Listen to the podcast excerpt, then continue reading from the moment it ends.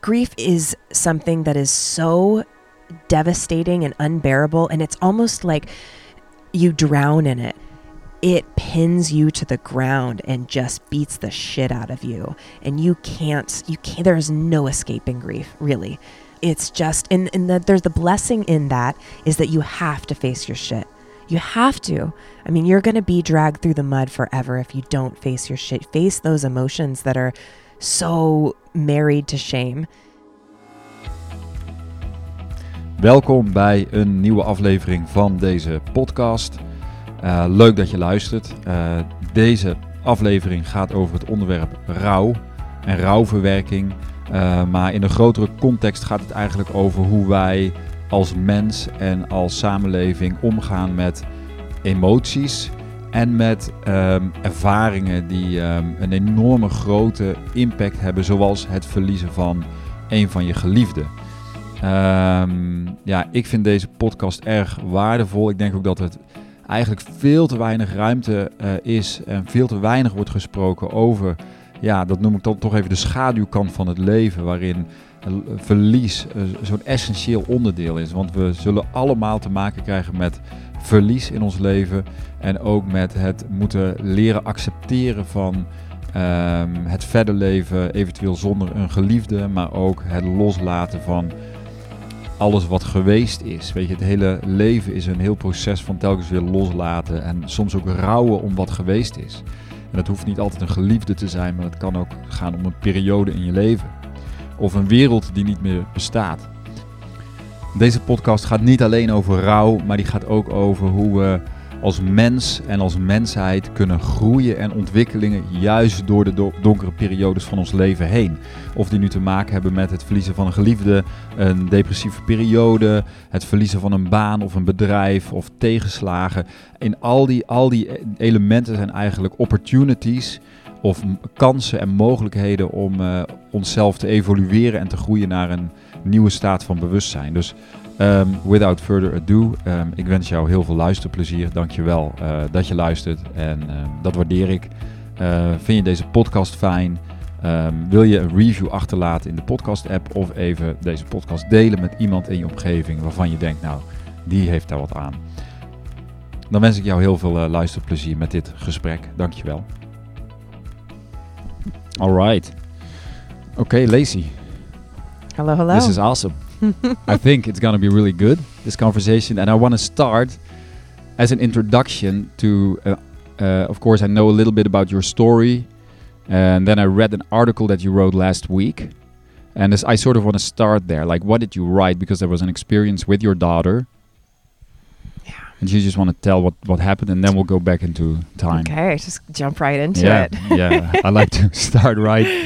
Get to it. Yeah. Um, well, yeah. So, I mean, I guess I'd start by just saying that um, my my husband, my daughter's father, died uh, just over a year ago, as you know, um, and she's only four, so her grieving process has been really interesting to witness. Um, she doesn't remember a lot about him, so it's not a year is not a long time for a lot of people, but for a four and a half year old, it it's not super fresh. It just doesn't come up all the time. She's kind of forgetting him. Mm-hmm. So we had just had an experience where we out and about. And we are looking for a new place to live here in Bali, and um, somebody was like, you know, where's her dad?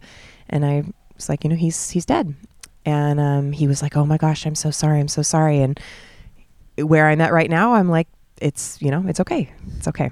Um, but we drove away, and Lilith said, "Mom, I'm sad."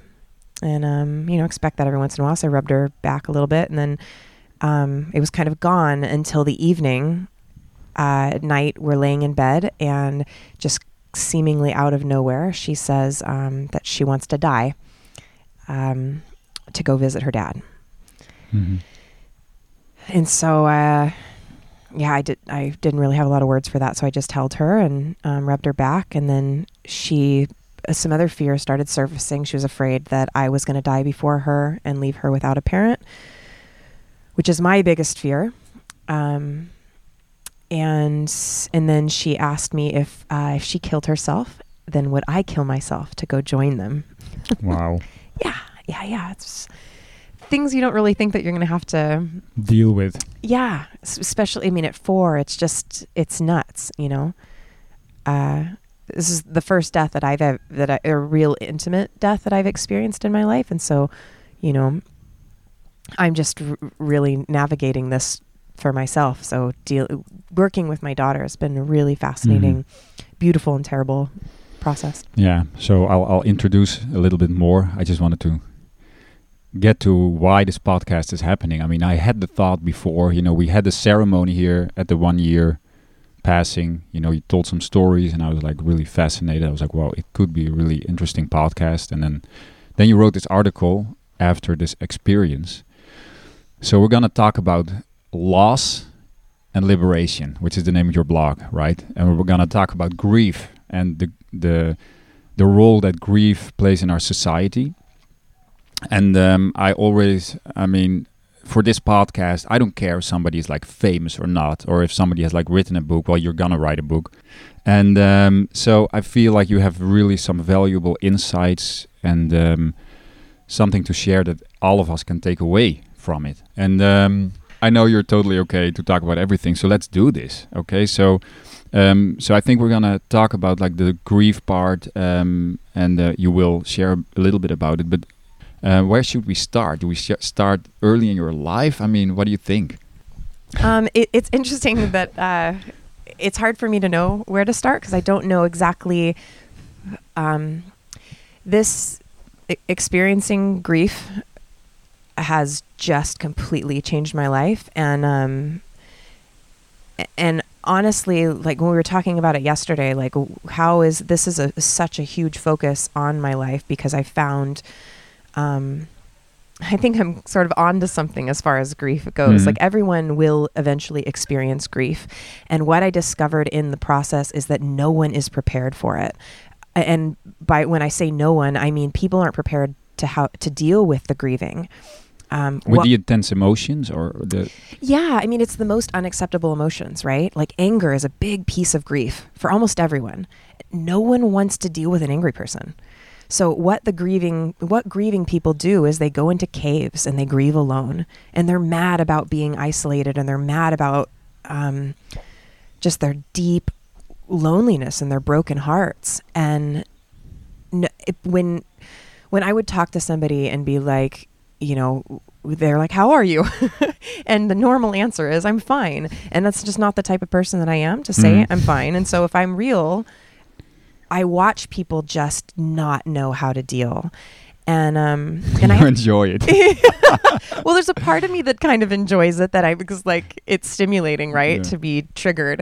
yeah. But um, also, there's a part of me that's like really deeply annoyed by how inadept people are at dealing with this emotion that everyone, a process rather than an emotion that everyone is gonna, no one can escape it. Mhm. So, kind of my my goal or one of my goals in um, my education with grief is not just helping people know how to go through their grieving process, but to educate everyone, people who have not experienced grief yet, how to to accept and how to learn from and how to be with people who are grieving. Mhm. That's I think that's a real piece of uh, of the medicine that I'm trying to hold. Yeah, it brings up to me like funerals that you're sort of. I have felt awkward at funerals. What do I say to these people that lost like their yeah. child or whoever? You know, it's painful. Yeah, exactly. I mean, one of the most potent things that you can say to somebody in that is, I don't know what to say. It's so perfect. It's so perfect and vulnerable and true and honest, you know? hmm It's, it's great to hear when somebody says, I don't know what to say. Amazing. Okay, cool. So, so we're go- going to talk a little bit about your story before we go more into like how we deal with grief because I'm interested what happened to your husband. Um, Bart died a year ago. What what what what, happened? Well, um, the story that I that I tell my daughter is that um, he had a lot of emotions, a lot of really hard emotions that he wasn't comfortable feeling. So just big feelings. He was sad. He was angry. He was lonely. Um, he didn't feel like enough. And instead of feeling those feelings, he took drugs to make them go Mhm. away, and um, he overdosed. So I actually um, it's a little bit of a complicated story just because I actually left him about a year before he died Mhm. because his addictions just uh, took the better of himself, him, and our relationship. Mhm. So we had a really tumultuous. The last year of his life was just a fucking wreck. But he wasn't out of your life. I mean, no, yeah. he was like. I mean, he's such a good dad. Even though he wasn't a daily addict, he was like an escapist. So he'd be like sober, sober, sober, and then Lilith and I would leave. Lilith's my daughter's name. Um, we would leave, and he would just do all the drugs, and he would just escape, and he'd call it partying. But I like at a certain point, it became a lot more than just yeah, you know. It, it wasn't just for fun. yeah. So you left him, but he, you he was around. He was around, yeah. Yeah. And actually, at the very end of his life, um, we moved in with him. So uh, we were. I was living with him when he died. Mhm. Uh, it was a temporary situation, but yeah. Um, so Lilith and I went out of town. We were actually looking for a new place to live. Where did you live? Just so if, Oh. let's paint the picture here. Yeah, yeah. Where are you from? Like, yeah, so I'm born and raised in California. Um, I uh, yeah, I've traveled a lot, but that's that's kind of where I that's where I've lived for the last maybe seven years. I've been in Bali for ten months now, but before that, 7 Mhm. years in in California. So most of my adult life, I was. you were raised in California Yeah. as well. Yeah. I left when. I was 18, and then have been popped in and out, but um, pretty solid for the last seven eight years. Okay. Yeah, so I met my husband there um, in 2012, and um, we just had so much fun together. He was like the funnest person, and um, he's Polish. He immigrated to Canada when he was 12, so he had a Canadian passport when we met each other. We just had a, a riot together and traveled really well together, and um, and then I got pregnant, and so we got married so he could stay in the country. I mean, and because we were deeply in love, but that was kind of the, the catalyst. Okay. Yeah. But the relationship was it from the beginning? I mean, he was was he already using drugs, or without going into the whole story of it? But I mean, Yeah, he was um he was always he always kind of did drugs in the way that he died, like that just being an extremist, but it was a lot more infrequent. So, I mean, I was I've always been um interested in psychedelics and interested in just um you know, I've been to Burning Man 9 times, so like I'm no mhm. I'm no stranger to party drugs. Um, but I also like, you know, I had a job and had a regular life, not that regular, but you know, like I held my own. Like nobody's ever had to pick me up off the floor. But it's interesting in California. I mean, it was during the time about that time when the the weed growing was like legal. There was this whole bubble going on that you guys were involved in, right? Yeah, yeah, So absolutely. paint me the picture of what happened in California around that time. That's not going on anymore. Yeah, I mean, if the the cannabis lens of this story is Yeah. is is pretty full. Um, I actually met him on a cannabis farm, so I was growing cannabis out of my home. Um, I, you know, I lived in like a beachfront mansion in Sonoma County, overlooking the ocean. Um, I had a farm in my garage that was very successful. It was making me a lot of money. Um, I had a lot of financial freedom. Uh, it was just great. I'm very grateful to that industry for for that period of my life. Um, but I something can happen where when you're growing weed, you're supposed to. It's they're all supposed to be female, and if a male gets in there, then he can um, pollinate the whole crop, and then it'll have seeds, and then it's ruined. So I had an inst a harvest like that where one harvest was ruined, and it's very very expensive to grow. So I thought I was going to be like really struggling for money. So I contacted another friend. I was like, please, I need to just show up and be a helping hand on your farm. So I showed up, and um, I it, like manicuring or trimming weed is uh, a way you can make a lot of money, but I'm not very good at it. So I showed, and there's this whole scene of people. Tr- people traveled from all over the world to do this job, and Bart was one of them. And California was like a big hub by then. Huge. It was huge, right? This Huge. industry is uh, like famous. Yeah, so I'm talking 2012 right Yeah. now, and this is like at the decline. Um, But anyway, you met Bart at one of, on one of the farms in 2012. yeah, Yeah, I did, and then um, we I asked him to kind of babysit my farm for me while I went on vacation, and he showed up, and we just had he's a, he was a really s- special special cat. So yeah, it was hard not to fall for him. He's he's charming and fun, like the funnest person I've ever met. Like us ladies make the list of like all the things that we want to find in a in a guy, and that list has changed eight hundred thousand times for me. But at one point in my life, just before I met him, is I wanted somebody who could talk me into anything. Um, and he was that guy. He could talk me into anything. Um, talked me into having a baby. I never wanted to be a mom, but he talked me into that. Um, I'm grateful to him for that. But um, he just got me into trouble, you know, and, and like it like shook up my uh, my comfort zone. Shook Uh, me out. and when that. did you find out that the the the drug use was getting like out of hand? I mean, to be honest, like it, was. I always knew that there were there were parts of him where the drug use was out of hand. I didn't. I thought that because of the path that I'm on, which is like, um, just getting better, healing, um, self empowerment, uh, finding my place in this world as as a healer. I thought he was on that with me. Um, he has great potential, and I think he he walked with a really incredible, powerful medicine, and I believed in that, and I believe that he wanted that path. Um, but I think at some point he stopped believing in himself and Mhm. just stopped caring. I mean, I know he stopped believing in himself at some point. He gave up on He his gave up. dreams, or Yeah, yeah. Um, I he he endured an extraordinary about, amount of abuse as a child, and I think some of the things that his father told him about how worthless he was, uh, he fought that so hard, and it was part of the drug use to make that go away. But I think at some point he believed he started believing all those things that his Mhm. dad said about him, that he would never amount to anything. Um, and yeah, yeah, I mean, talk about trauma from childhood. yeah. Yeah. Yeah, it's a tough one. I, I have a massive amounts of compassion for for people who who battle with that. It's Yeah, wa- was he de- depressed as well, or you wouldn't you wouldn't tell. I mean, he always had uh he always had a lightness about him. Um I mean, he never stopped like skipping. You know, he was a skipper. What do you mean a skipper? Like like when you're walking and you like kind of Oh, skip when you walk. a huppel, huppelen. Yeah, we like- call it in Dutch. Oh, yeah. Okay. yeah, he was that guy. So he never he never came across as being depressed, Mhm. but I knew because of he's just putting on a lot of weight. He stopped taking care of himself. Um, he started sleeping in fits. You Mhm. know, um, and the last So- yeah, yeah. the last couple months that I spent with him, living with him, it was.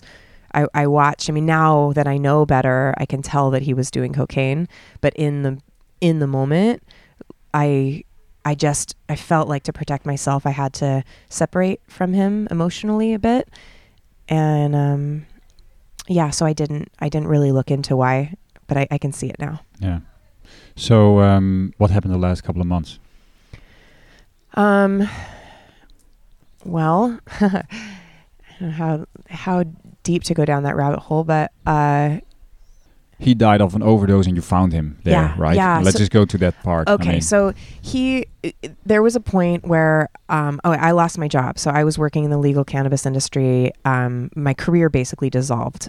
So um, I couldn't, I can't really go back in to work in cannabis, and it's what I've been doing for the last ten years. So I was kind of having a little um, existential crisis, and I panicked a bit, and I was like, "We need to move. This Sonoma County is so expensive," and he wasn't doing well and I'm like, let's move. I need to, I need to move. And he sat in front of me and held my hand and he said, if you need to move, I will follow you anywhere.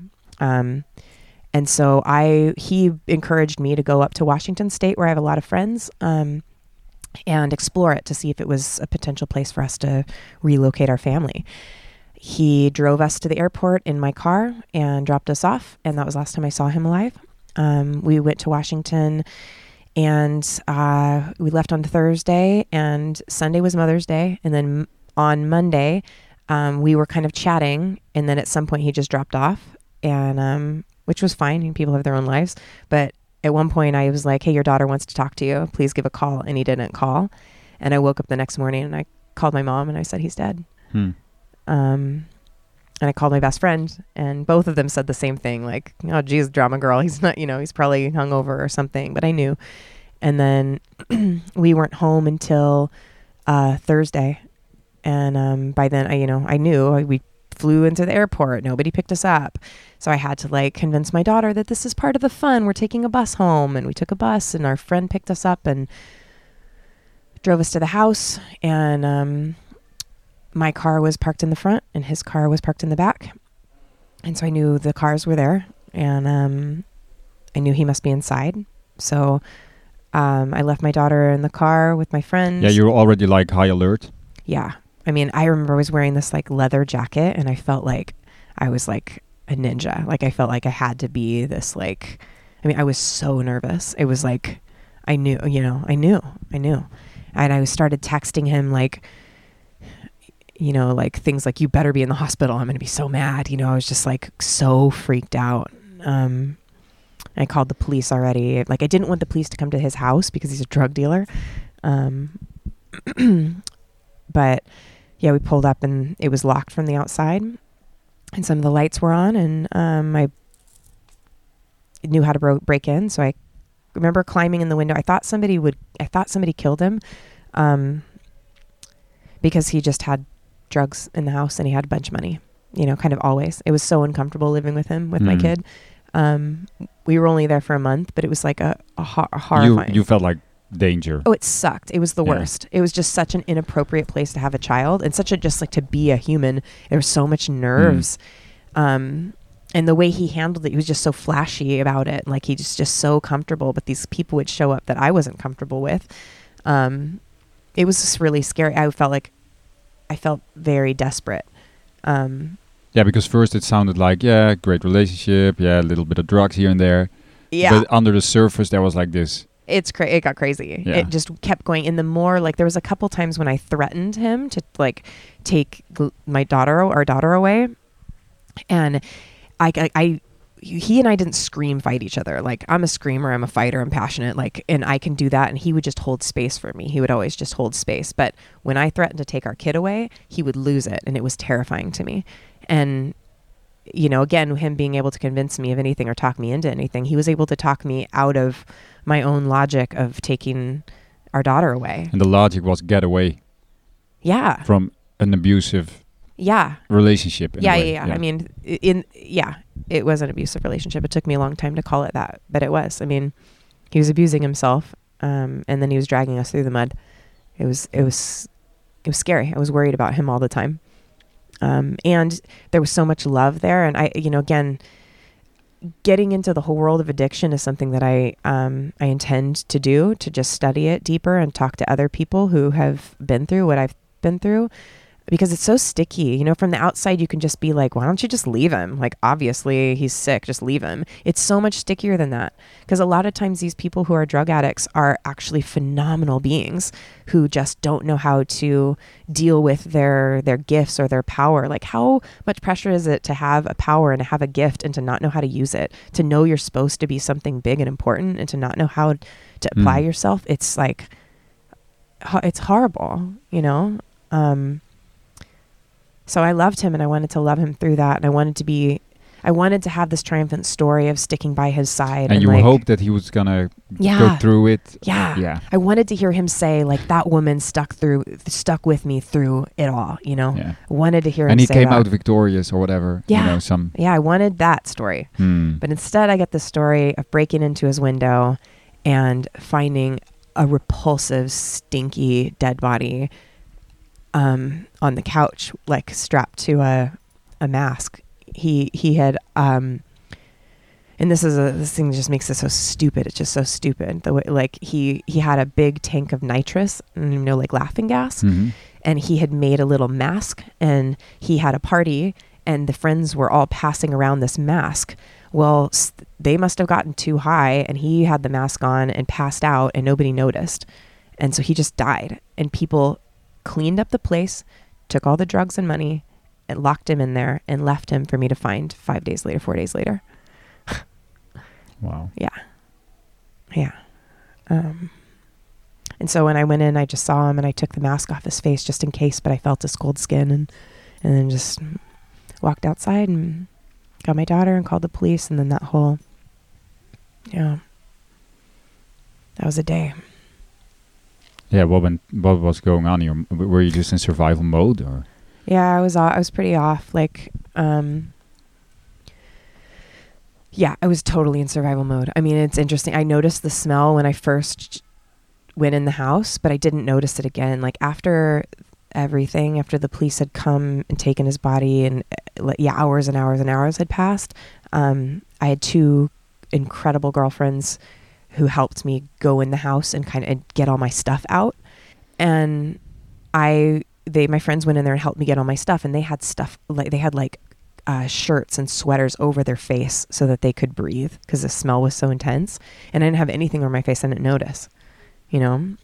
Um, I was just doing what needed to get done Yeah. and like just on You and it- shut off all totally the yeah. have to. You Yeah. can't like, and I think that's an incredible thing that we do with grief and trauma is like our our brain has this incredible ability to protect itself, and it just feeds us little pieces. Like all that you can digest right now is this little piece, Mhm. and oftentimes it's hard to believe that we can even digest that little piece. It, um, Yeah, because it's not just dramatic; it's traumatic as well. It's both of these things. Yeah. yeah, yeah. So what happened to Lilith? You went outside. Well, I was with I was with like an incredible friend who she drove us there, and when I found him, she took Lilith before the police got there. So Lilith didn't even know that her father had died for another week. Um, I took a week to uh, talk to different specialists to find out the best way to tell her. Mhm. Um, yeah, I mean, it was that was a really intense week. what was the best way to tell her? Oh man, everybody says the same thing. Like I talked to three experts in the field. I'm using air quotes. Yeah. Um, and they say simple truths. Just be very simple. The a little child will not ask for details. And they say um, be prepared to tell them the story again and again because little children do not understand permanence.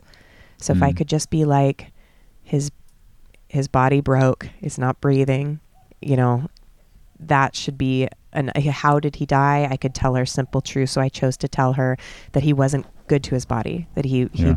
had let poisons into his body. He didn't treat his body with kindness. Um, I mean, it was so, it was so, the most beautiful, terrible thing was telling her. Like, we had all our friends around, and I, I took her into the little space. A friend had invited us to live in their little guest house for a couple weeks Mhm. after it. And I took her into our space, and I said, I need to have a, you know, I need to have a grown up talk with you, a big girl talk. Um, and set her down. I sat down eye level with her, and I just told her, Your daddy's dead.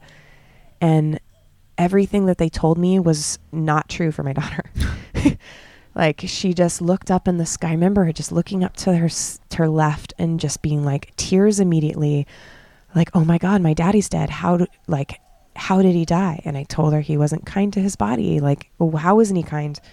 Well, he, you know, there's a lot of things. And then I start stumbling and I'm like, there's like, you know, he drank a lot of alcohol and he smoked cigarettes. And like, so cigarettes killed my dad? Cigarettes killed my dad. I'm like, no, not exactly. Ah. Yeah. Um, and she never had, I never had to tell her again. There was never, she, there's something, um, Like children, do you think they, they have this intuitive, they just feel what it is? yeah. Yeah. Yeah. I mean, I think they can. I think there's that, they have that ability. Yeah. Um, I mean, the halfway through the week, she had drawn her picture while we were on vacation. She had drawn a picture for her dad, and I kind of put it away because I didn't want, you know, she didn't ask about her dad the whole week. That's crazy. She loves Yeah. her dad. And at one point, she opened a book and that picture fell out, and I watched her kick the picture under the bed. Like she knew that something about that picture and something about her dad was not okay to talk about.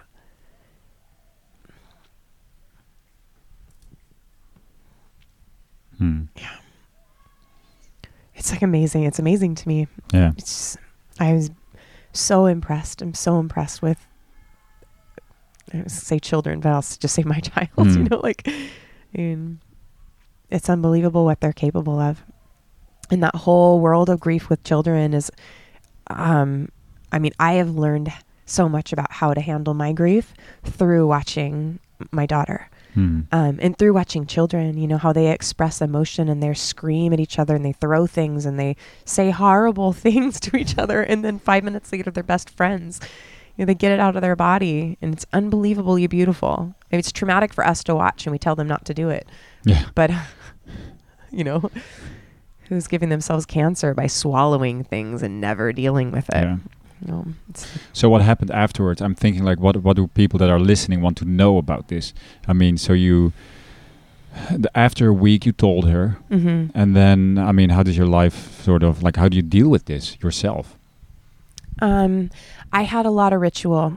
I had a lot of ritual. Um, I, I mean, I d everybody believes different things, but um, you know, I believe oftentimes that in a traumatic death, that um, the spirit has trouble transitioning, and um, I I sought the help of some people who can um, can communicate and can can assist me with that. Uh, usually, people that have access to some sort of like ancestral lineage or like know how indigenous people deal with death. Those are usually the people to to talk to. But um, yeah, I was prescribed a lot of ritual to kind of help him ease his transition and also help him um, reclaim some of his power and uh, be kind of reinitiated into his medicine in a way that he, or uh, not even reinitiated, be Mhm. initiated into his medicine in a way that he wasn't able to do when he was Mhm. alive. Um, and, and and some of this is, is far out, and I not everybody needs to go down this realm. Um, but it was one way that really that helped me to be able to be of service and to have something to do. Um, Actually, it's interesting. We were in Amed last week, and there was a cremation, and the whole night they were like chanting or singing. And our taxi driver on the way here, he was like, "Yeah, that's they help the soul, you know, cross over." Or they, it was intense. Yeah. it was really intense. It was the whole night. yeah. That's what they do here in Bali. It's beautiful. It's beautiful. And I I read a book um, uh, by Martin Prechtel, and actually like anybody who's experiencing grief and needs something to listen to or to cling to or something. He gives a talk called on grief on grief and praise. Um, he writes about it, but he just gives like a 30 minute or 20 minute talk on YouTube that's just, I could listen to it again and again. And he talks about, um, like, he's a, a, a shaman from the Mayan tradition um, out of Guatemala.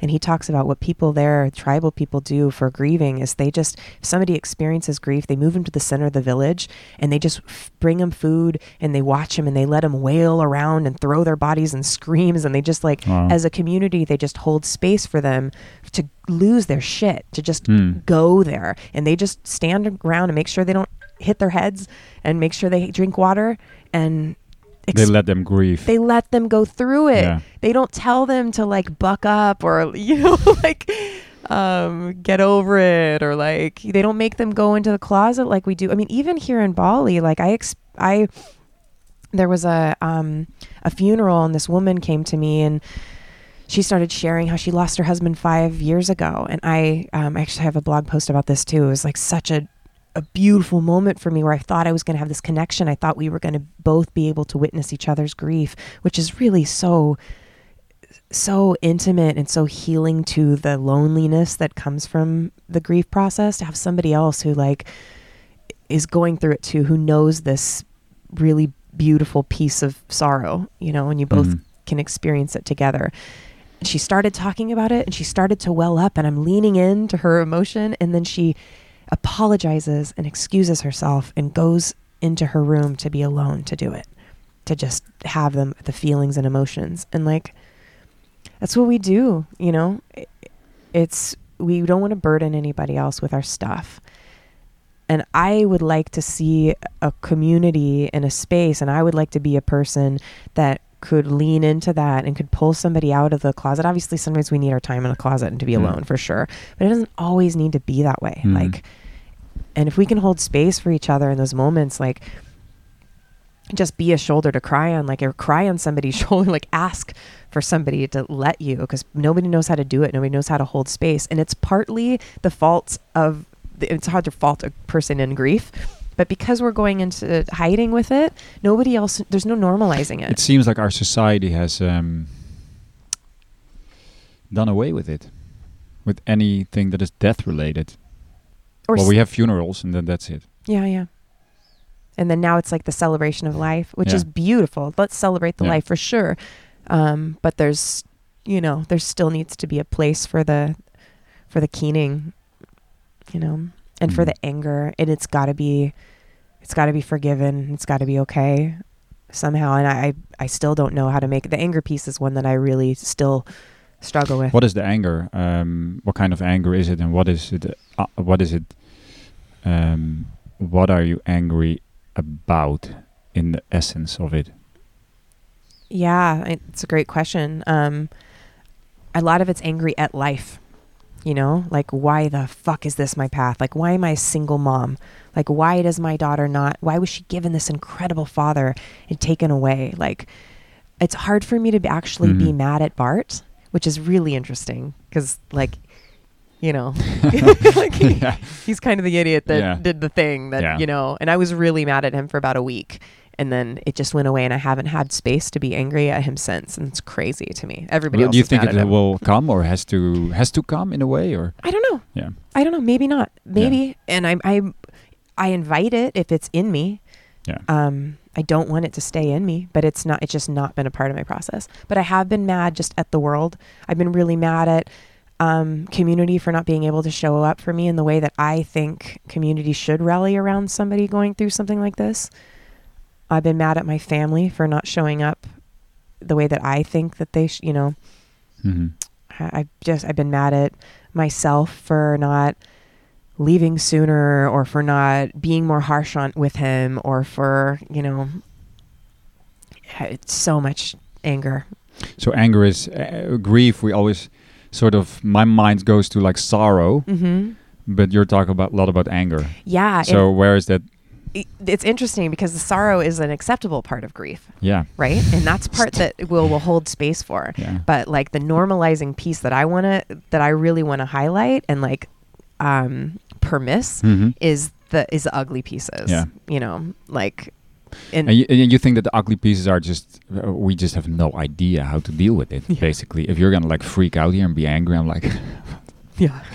Totally. but if you cry because you know then it's okay Oh, you're i so can hold sweet. space for you It's yeah so easy. Somebody's like vulnerable and they're they're like, "Oh, it's so easy to take someone who's just like softly crying in there, but if you're screaming and keening and kicking and like ah, yeah, that sort of thing, which Mhm. is really what needs to move. I mean, it's it freaks people out. Yeah. yeah so it's a necessary part of the process Yeah. who does it um, I mean, I see, I see some less more ind- indigenous cultures. You know, like the keening is a, like real India. what is the keening the keening word is mean that uh, kind of cr- deep cry that's Like like, a groaning? scream that um, I, I associate with India. I associate Okay. with the women of India Yeah. that they um, throwing themselves in the fire after their Yeah. husbands have died. You know that like. Oh, you know, some of that we think about as being sexist, and some of that I just think about as being like, I've wanted to, you know, I've wanted to throw myself in the fire. If I didn't Mm. have a daughter, you know, who knows? Maybe I would have. I mm, probably not, but um, So how do we deal as a culture? I mean, so you've been okay. So after he died, how long afterwards did you come to Bali, and why did you come to Bali? mm, um, I so I was in I was in a pickle, one might say. So I had just lost my career. Um, three weeks later, my husband died. I basically was like without a home. I couldn't go back into that home um, after that night, and I didn't really have a place to live. I didn't have a job. I didn't have a way to pay my bills. No, like some friends had set up a GoFundMe for me Okay. because uh, also one thing worth noting is that Bart had a, a gambling addiction and he had gambled away m- my life savings. So there was like maybe, you know, just under a hundred thousand dollars that I was hoping to lean on and it was gone. Um, so I was broke, jobless, and a single mom and a widow and all the things that one might see as being like the most destitute uh, role that one could play. And I was feeling a bit like that. And um, I was living in a house with an incredible man, um, a s- older gentleman who uh, was my landlord and our dear friend. Um, but the house was like kind of, it was dark and it felt kind of damp and it felt s- kind of stuck. and you're on this path of finding your life back, basically. Yeah, I was, Yeah. and, and I just started making really stupid decisions because when you make it, as everyone knows, when you make decisions out of disparity, it's it's almost certain failure. So I just kept making these stupid decisions and blowing little pieces of money because I'm investing it here, investing it there, and it's like all a bad idea. None of it's what I actually want to do. Mhm. And some friends set up a GoFundMe for me and Lilith um, and raised some funds. And it was um, was not that much. That's amazing. Anyway, amazing. Yeah, I mean, it's it's amazing. yes, I'm. I really like you know as much as I get disappointed in my community for not showing up for me the way that I wanted and needed them to. Like my community really did show up for me, um, in the ways that they could, you know, um, and beyond, i- in ways that I'm sure made them feel uncomfortable, and I'm grateful to them for Yeah. that. Um, but yeah, small GoFundMe was set up for for us, and it was going to go in about five seconds in California, and I, I really don't know what, what spoke to me, but I was thinking about South America and then I was learning how expensive that is. And then I ran into a friend who just got back from Bali and I was like, that's it. We're going. And then I think, I think the real thing that, that pushed me over to, to actually buy the ticket was my mom told me I couldn't. your mom told you you couldn't. she was like, that's crazy. And I was like, oh yeah. so yeah. So we just came, we didn't know anybody here. I just, I thought that we, we needed out. We needed to get out of that house. We needed to get out of that town where I was just mad and disappointed at everybody. And like Bart was everywhere and everyone would look at me with this like, how are you doing? I think that being handed this shitty hand, like, you know, the money piece, the death piece, the like life with an addict piece, the all of it, um, people really started to take pity on me. And it was really, I was so. It was such a sad thing. And I can't have that. Like, I mean, in, in one way, for a little while, I started wearing it like a badge. I was wearing my sorrow and this like thing that happened to me like a badge, you know? Yeah. It was, um, it was not empowering, but it was like a way to like introduce myself as like, you know, I don't, I don't even, I don't even know how to I'm describe the it. widow. Here's Yeah. my bank account. I, I don't know quite what what was up with that, but it was just like it created this um yeah, just identify a little bit too much, maybe, with Yeah, what happened. I- exactly. let's, let's just put it like that, exactly. yeah. And then there's no escaping from that. Yeah. If you're this person that all the sad stuff happened to, then Yeah. that's like, oh, oh. yeah. So, what did people actually say that you like, sort of like acquaintances, family? I mean, I don't know. No. This, uh, they, some of them wouldn't say. A lot of pe- people stopped calling. yeah, Um, I mean, i one thing I experienced was like, y- you know, a lot of people uh, don't like to be put in a position where they don't know what to say, or if they don't know how to, they they feel inadequate, and so in order to make themselves not feel inadequate, they just don't show up. Like Mm. my brother and I don't talk anymore because being around me made him feel he got angry at me because I made him feel like he was inadequate because he didn't know how to support me, he didn't know how to be there for me. So instead of just saying I don't know how to deal with you, he just stopped calling and he got mad at me actually. Hmm. Um, and that's somewhat typical. yeah. So you came to Bali. Did you have any idea what this island would like mean in the whole story? I knew that people prayed here. I knew that there was a deep sense of ritual and of prayer, and I knew that people came here to for healing. Um, and I love the tropics just for how much life is here. And um, I wanted to change my story. I wanted to have. I wanted to like find the um, the part of the story where the phoenix rose. You know. Um, How did it happen? Did it happen? Do you feel like you I- rose? I feel like it's happening. Yeah, I feel like it's happening. Um, but again, I feel like the only, I mean, the, the piece, the piece of grief that I, that I bow to, that I think that has taught me the most, that the piece that I want to kind of shout from the mountaintops Mm-hmm. is that you, you you have to I mean in order to be the phoenix rising you have to burn in the ashes. You have to. Like and that's you know, you can't just be the hero of the story without getting locked in the dungeon. And and I think we want to I know we want to skip that part. That part sucks, you know? But I I have I I mean I've really f- I feel like I've tapped into something and I've Mhm. figured something out. Grief And- has taught me. And and that and that has to do with emotions. Yeah. And fluidity Mm-hmm. and just trusting them, trusting your struggle, trusting the the horror, you know? Mm-hmm. Um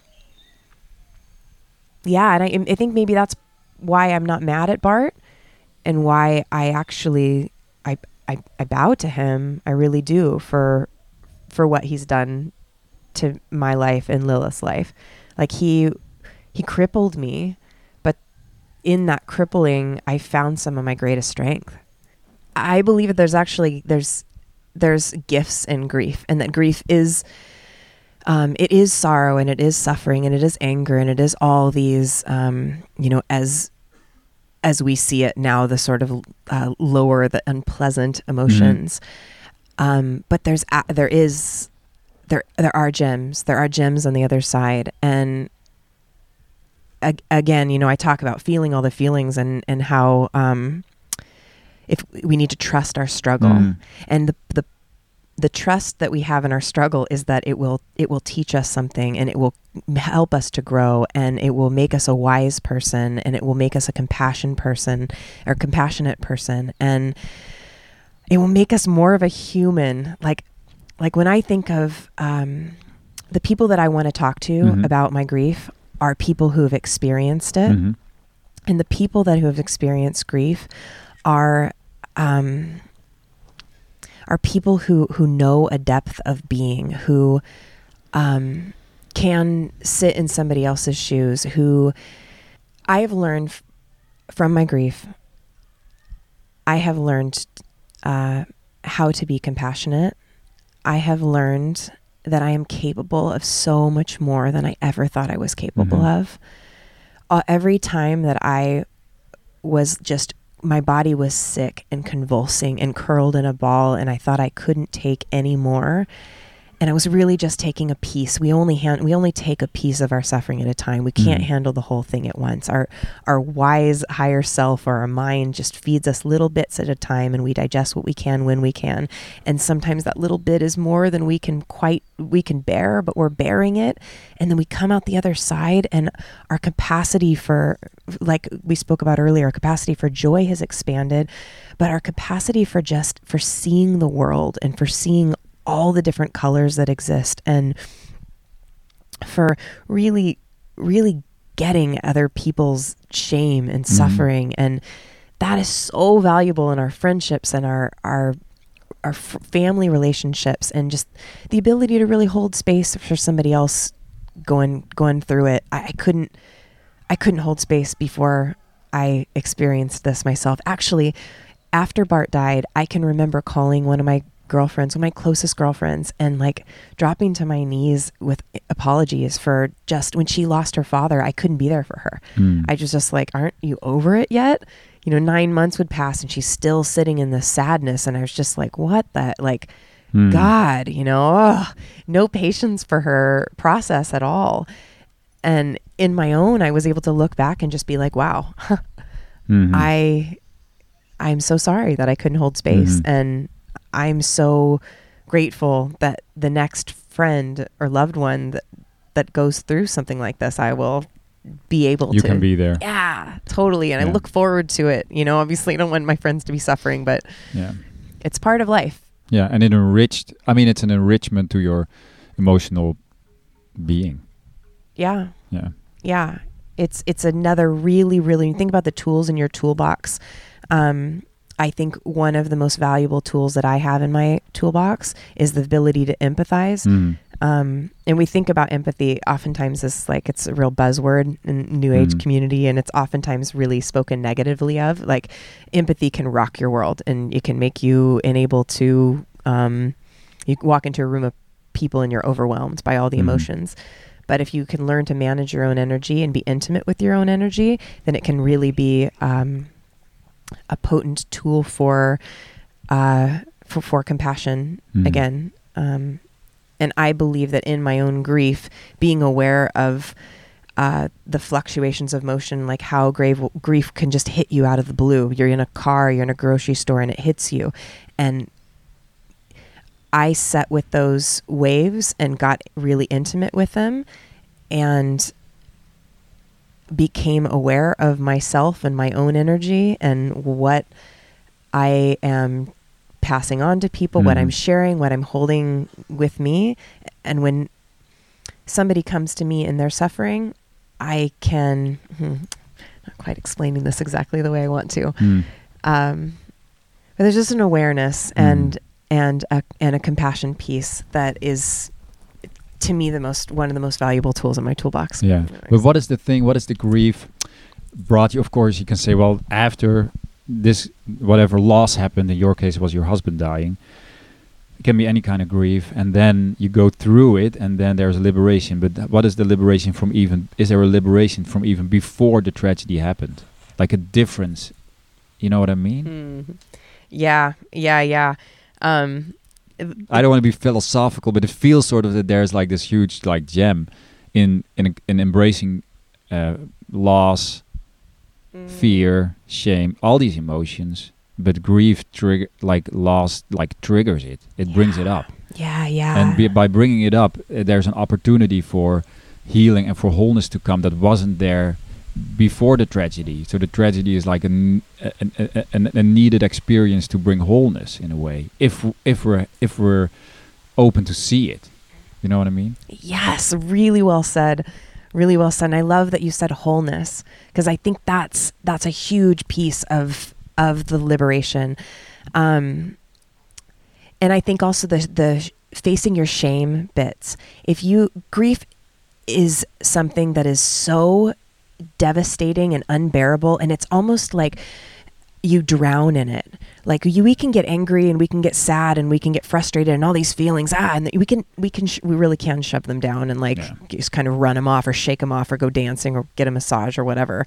Um, but grief is like, it pins you to the ground and just beats the shit out of you. And you can't, you can't, there's no escaping grief, really. Um, Mm. I mean, and it's up It's to in your face. it's in your face. It's it's just and and the, there's the blessing in that is that you have to face your shit. You have to. I mean, you're going to be dragged through the mud forever if you don't face your shit. Face those emotions that are so married to shame.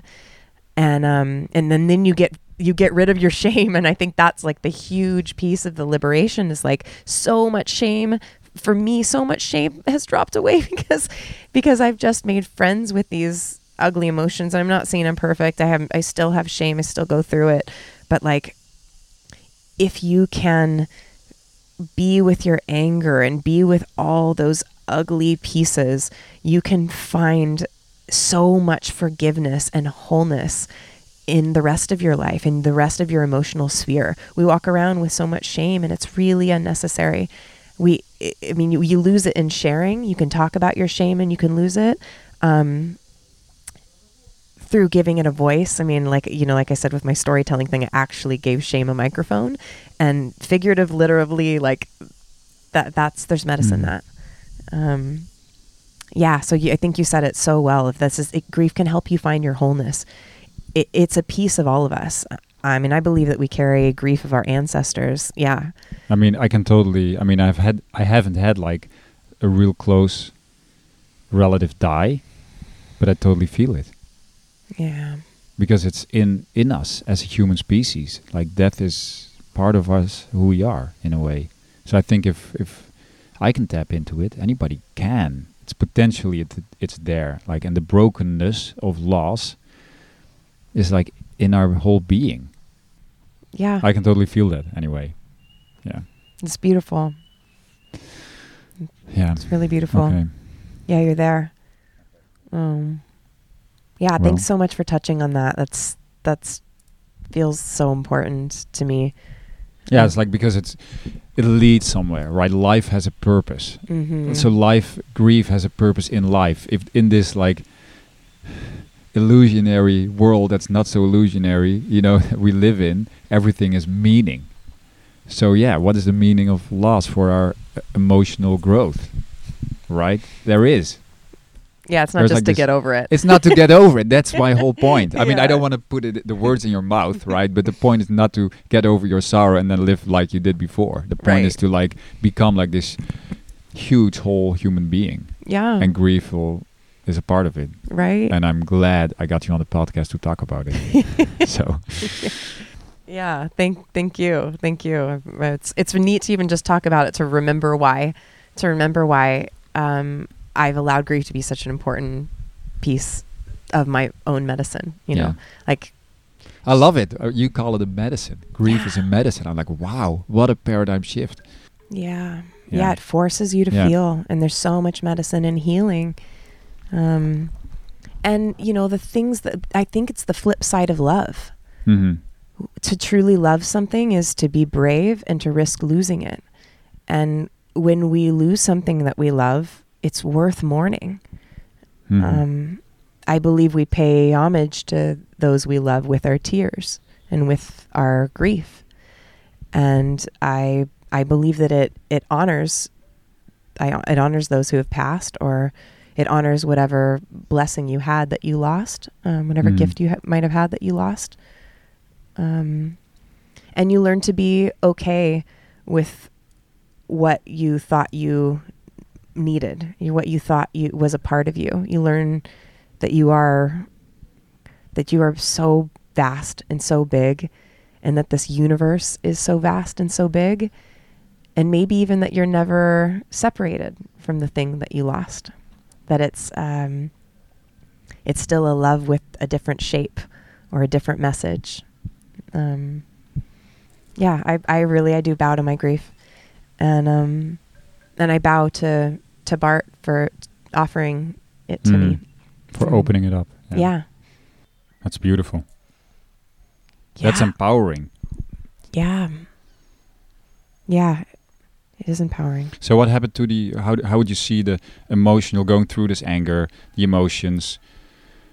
Um, what is the role that it plays in the phoenix rising Mm. and finding your life back, like finding joy and just you know a future? Yeah.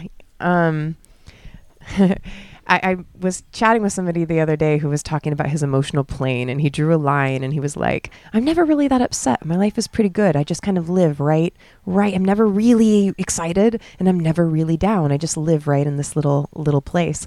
And um, I believe there's a lot of truth to that. Like the pendulum swings equally both ways, right? And when you're offered tragedy, when you're offered uh, your own suffering, um, and I don't think that somebody needs to die for that. You know, um, Yeah, suffering comes in many ways. So Grief ways. comes in many ways. yeah, yeah, absolutely.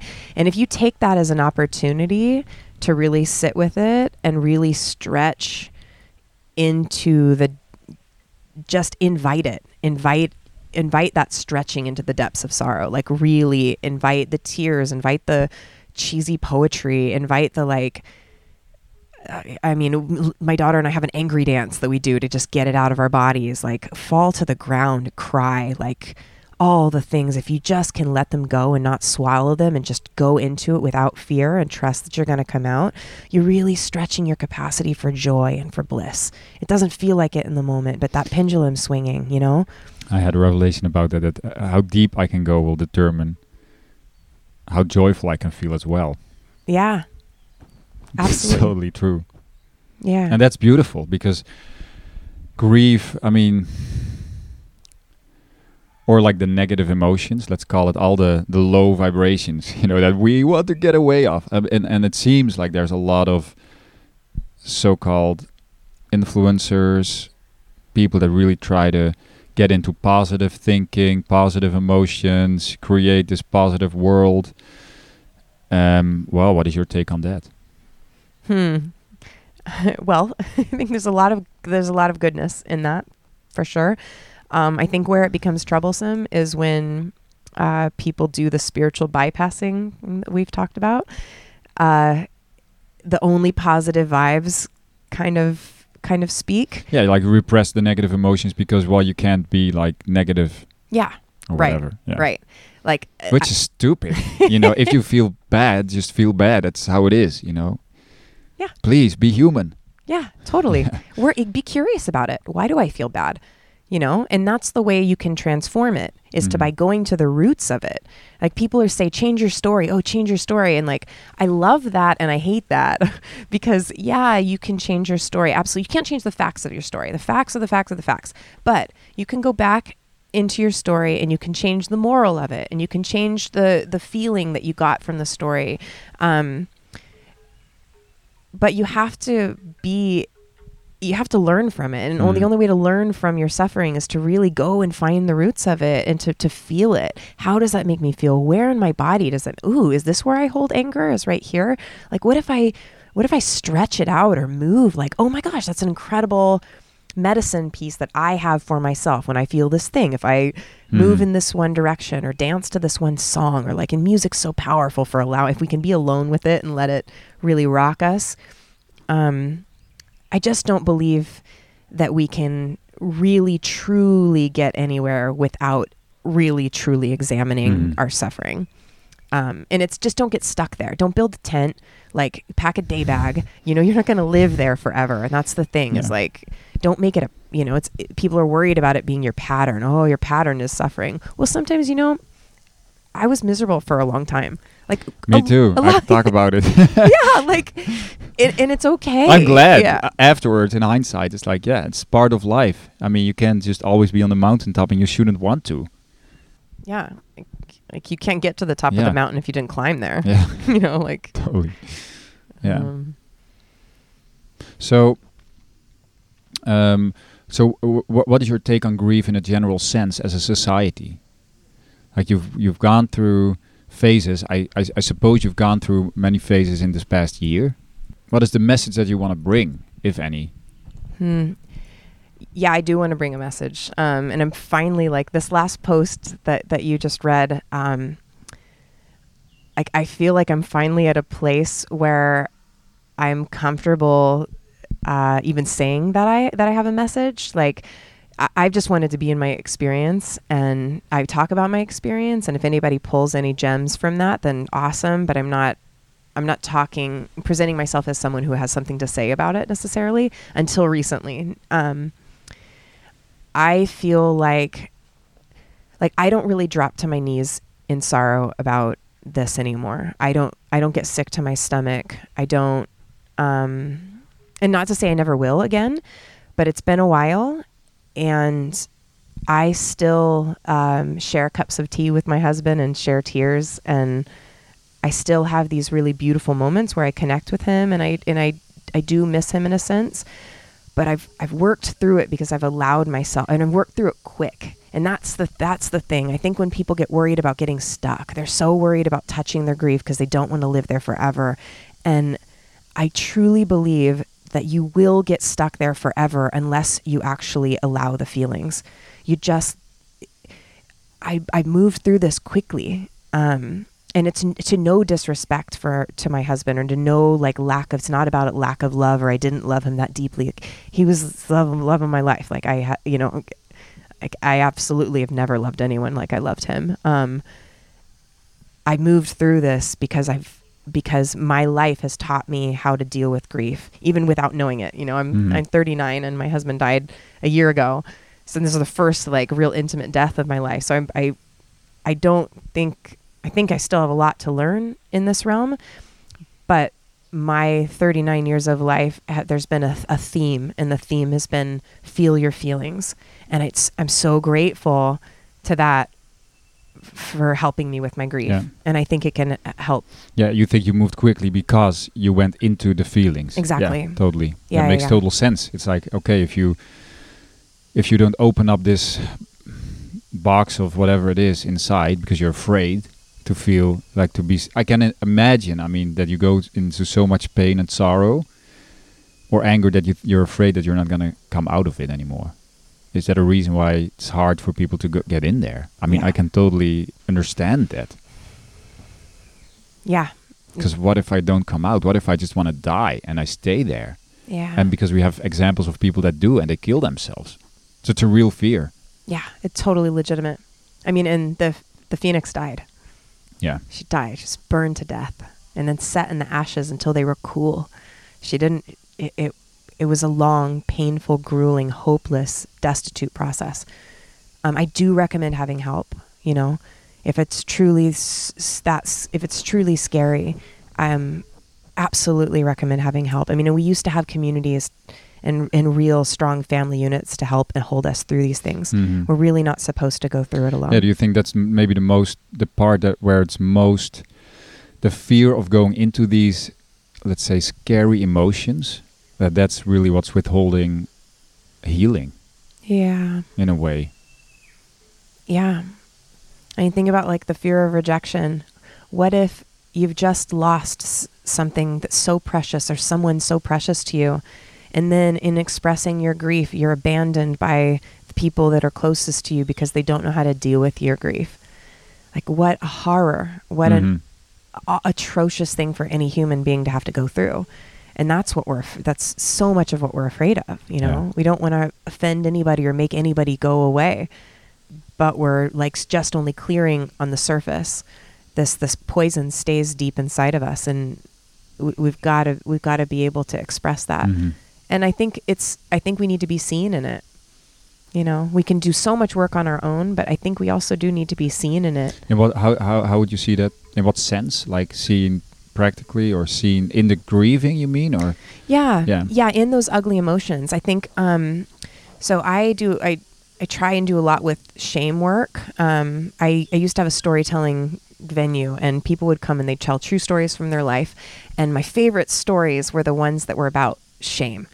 When people get up on stage and have a microphone and they talk about shit that they're super ashamed of and then people in the audience relate, Yeah. everybody's healed. amazing? Yeah, it's like- amazing. It's amazing Yeah. you know like the the uh, there's like a, a spell of of um of shame that's been cast and i Mhm. love the dispel of we speak it we we put it into words and where it's dispels like it's unbelievable what magic comes from exposing the things that you're ashamed of. And these these horrible emotions this anger this ugly things you know the things that we're like i don't i don't want anybody to know that i that i'm mad at myself for um for living with Bart with all those drugs in the house and for sort of I sort of let Yeah. him know that that was okay and I've got shame about that Mm. you know and and the only way for me to get rid of that shame was for me to talk about it and let somebody else know and have somebody be like hey I see you and I see that you're sitting with that